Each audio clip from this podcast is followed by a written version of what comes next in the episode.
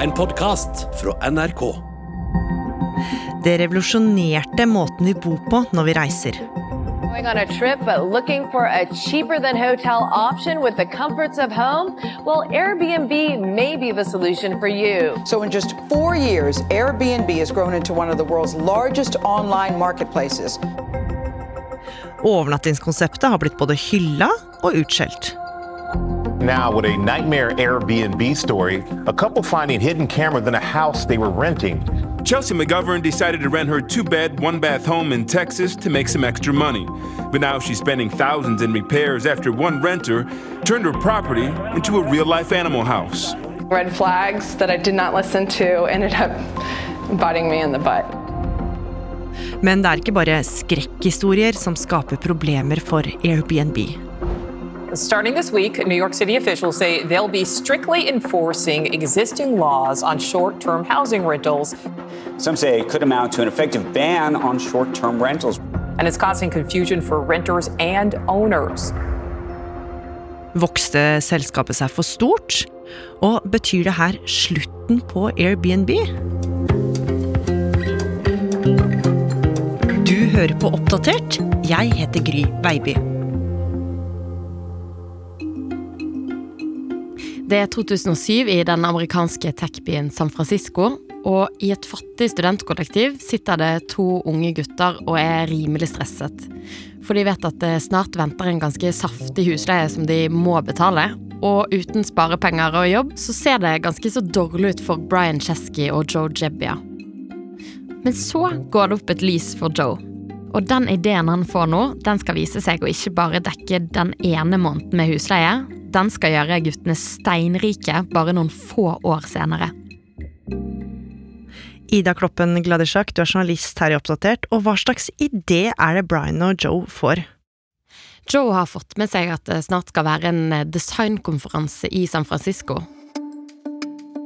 Og det han oppdager, er at det er så mange reisende som skal delta på denne konferansen, at det er manko på hotellrom i byen. Og det skjønner han at det må de utnytte. For disse guttene har jo som sagt ikke så veldig mye å rutte med, men det de har, det er jo et sted å bo. Så det de gjør, er ganske så fiffig. De skraper sammen det de har av penger, og kjøper tre luftmadrasser.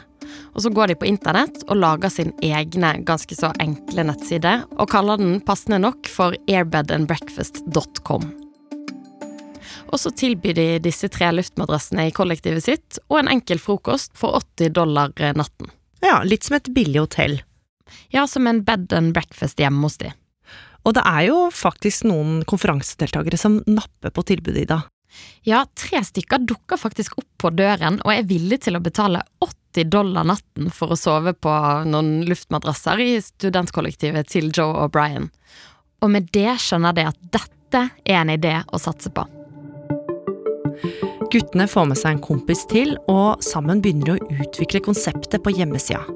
De vil lage en felles plattform der folk som vil leie ut hjemmet sitt, kan registrere seg på, og mot å betale en liten andel av leia til Joe og kompisene, så vil de sørge for at utleia går så smertefritt som mulig. Men det er jo ikke like lett som de først håpa på. Nei, det er akkurat som at det ikke sitter helt. For de prøver å lansere nettsiden et par ganger uten at det får noe særlig oppmerksomhet. Og uten oppmerksomhet så får de jo heller ingen penger inn i kassen.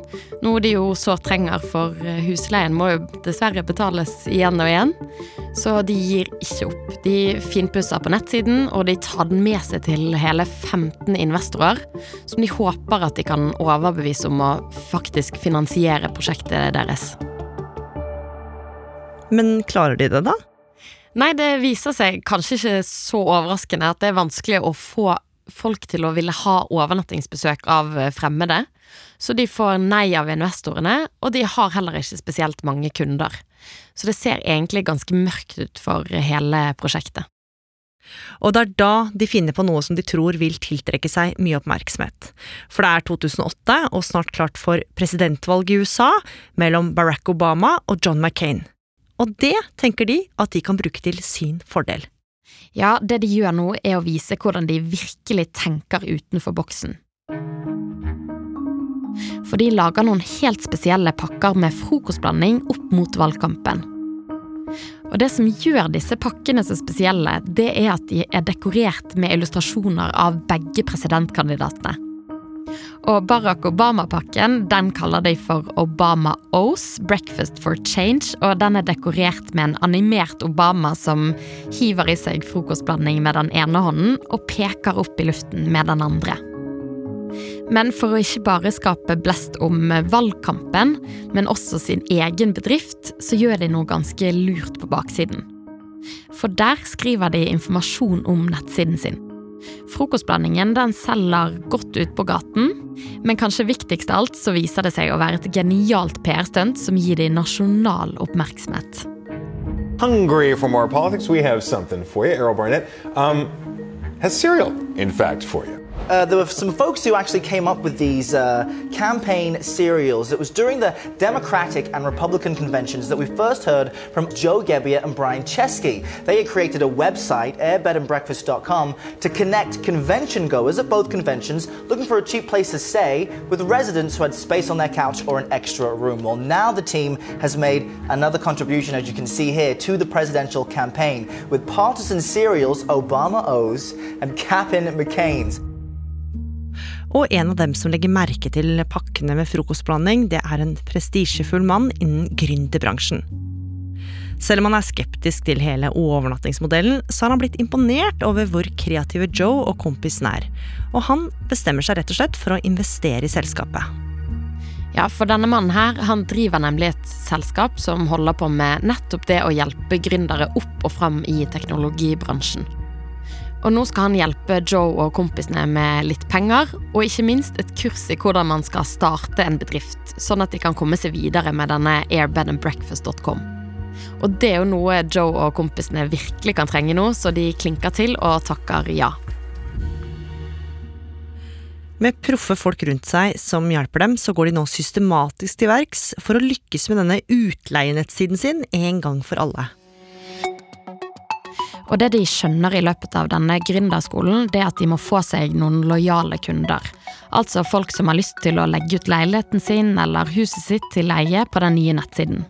Så Joe og kompisene de håper at disse kundene vil kunne tjene gode penger på utleie på nettsiden deres. Men ikke bare det, de håper også at disse skal spre ordet videre til andre om at Airbnb det er et sted det går an å tjene litt ekstra penger. Så de kommer i kontakt med noen som har lyst til å leie ut hjemmene sine, og så drar de rett og slett fysisk hjem til dem for å fotografere leiligheten med ordentlig proft kamera, og så bor de der selv òg, sånn at de kan legge igjen en anmeldelse til vertskapet. Og et annet grep de gjør, det er at de bytter navn fra airbedandbreakfast.com til Airbnb. I april 2009, under to år etter at Joe først kom på ideen hjemme i studentkollektivet, så får de sin første investor. Og nå er det ikke bare slitne studenthybler og luftmadrasser å tilby, nå er det lekre bilder og masse flotte steder. Og med det tar det ikke lang tid før det tar av. Turns out there are tens of thousands of Americans renting spare rooms for big bucks. Would you like to uh, settle into a nice, friendly neighborhood on your next vacation? Well, short term vacation rentals, where people offer rooms in their homes to tourists, are on the rise. For travelers, it's a new way to save a lot of money on your next trip. In New York City, a one night stay in this one bed, one bath apartment starts at $200. No hotel amenities, of course, but it makes up for that in location, just steps away from the heart of Times Square. Airbnb sprer seg på bare noen få år til land over hele verden. For reisende uten et veldig stort budsjett, så er jo det her genialt, for man kan reise på en helgetur og bo midt i byen uten å betale skjorten. Og for folk som er vekkreist på ferie eller har en kjellerstue eller et ekstra soverom som de ikke har bruk for, så har de nå muligheten til å leie ut hele eller deler av boligen sin og tjene noen ekstra tusenlapper i måneden. Og nesten like fort som suksessen tar av, så begynner det å dukke opp. Wembley last Friday night.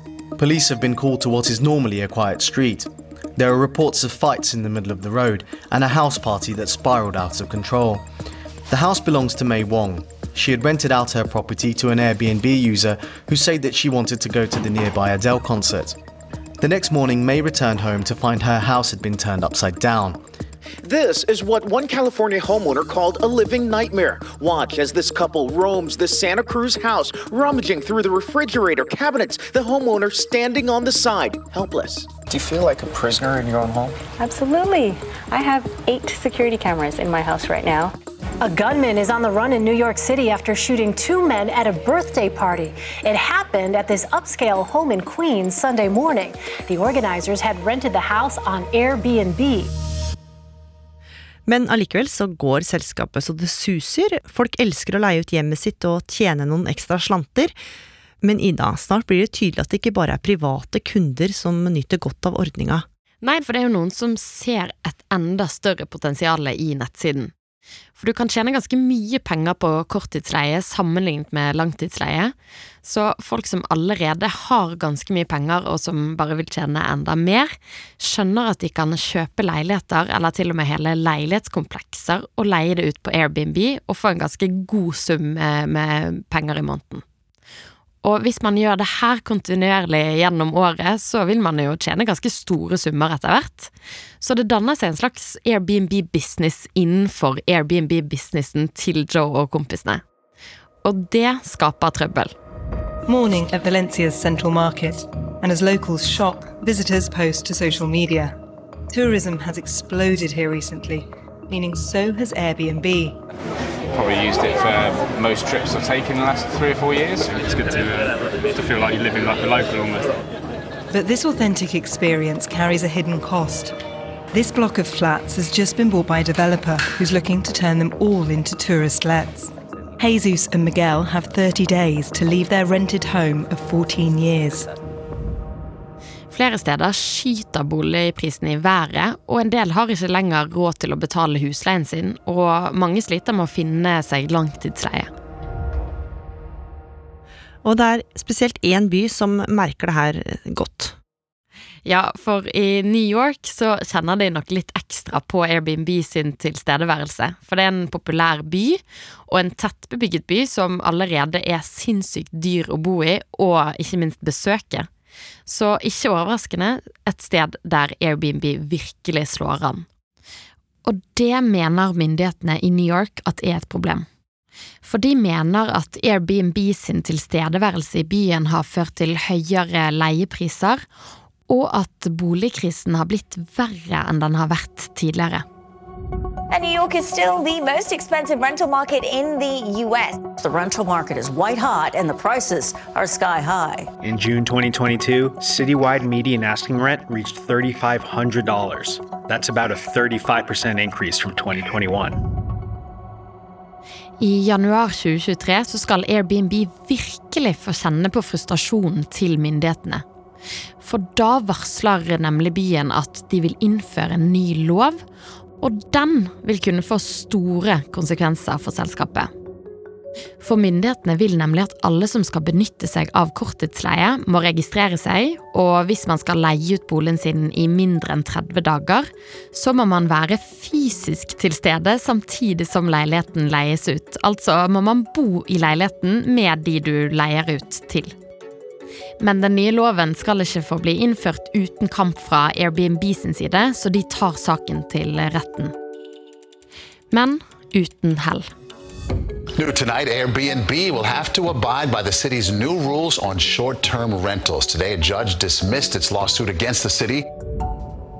Så høsten 2023 innfører New York de nye reglene, som mange mener nærmest betyr at man bannlyser Airbnb. There are fewer Airbnb listings for New York City this week. That's because officials here have started enforcing strict new rules on how and when New Yorkers can rent out homes using platforms like Airbnb and VRBO. Airbnb says the new rules amount to a de facto ban on the platform, and other critics say the city is bending to the lobbying of the hotel industry. According to new regulations that came into effect September 5th, the company will be canceling and refunding bookings for stays that start after December 2nd. And it's causing confusion for renters and owners. Cecilie Lange Becker, du er økonomikommentator her i NRK. Hvor mye påvirkning kan man egentlig si at Airbnb og korttidsleie har hatt å si på leie- og boligprisene? Altså Enkelte steder så har det jo hatt eh, ganske stor påvirkning. Eh, fordi når man gjør det lettere med korttidsutleie, som jo er det man gjør med Airbnb, så vil jo en del huseiere gå fra å leie ut på lang sikt til å leie ut på kort sikt. Så da går man jo fra et tilbud som er rettet mot de som er lokale, til de som skal komme på besøk. Og byer og tettsteder har jo et begrenset antall boliger, så dette vil jo over tid drive opp leieprisene. Og det blir jo akkurat det samme for boligprisene. Man kan jo se for seg at investorer da kjøper opp boliger for å drive med korttidsutleie fordi det er lønnsomt. Og da driver jo det de fastboende ut av eh, boligmarkedet, som gjør at det blir mye dyrere å kjøpe bolig. Og det er faktisk en del forskning nå som dokumenterer disse effektene. Og på toppen av dette så har man jo en slags boligkrise i USA nå. Veldig mange hjemløse. Og man ser at i noen byer som før aldri har hatt problemer med hjemløse, nå får en stor økning. Bl.a. fordi Airbnb tar opp så mye av boligene som vanligvis ville vært leid ut til, eh, til helt vanlige mennesker som nå bor på gaten. Nå har jo Airbnb også møtt på utfordringer i Italia, hvor de er anklaga for skatteunndragelse, og italiensk Økokrim har beslaglagt over 779 millioner euro fra Airbnb. Er det vi ser nå slutten for selskapet? Ja, altså Man ser jo at det er et stort antall byer nå som prøver å stramme inn da, eh, overfor Airbnb og prøver å gjøre det veldig vanskelig å leie ut. Eh, men vi ser jo at selskapet fortsetter å vokse. De tjente 2,5 milliarder dollar bare i tredje kvartal. Eh, og det er en kraftig økning fra året før. Eh, man ser også bookingene på plattformen øker. Det som kanskje blir litt avgjørende, er hvordan det utvikler seg fremover nå. For man ser at i New York allerede så er det veldig mange som går da fra Airbnb-plattformen, og så leier man ut boligen sin heller på sosiale medier. Så det oppstår nå et ganske stort svart marked. Og blir det nok av det, ehm, så kan det jo hende at eh, man prøver å finne noen bedre løsninger innenfor Airbnb-plattformen, som tross alt er mer regulert og mer oversiktlig. Det er jo ingen som ønsker seg et sånt svart eh, marked, så, det er kanskje litt der det ligger eh, fremover.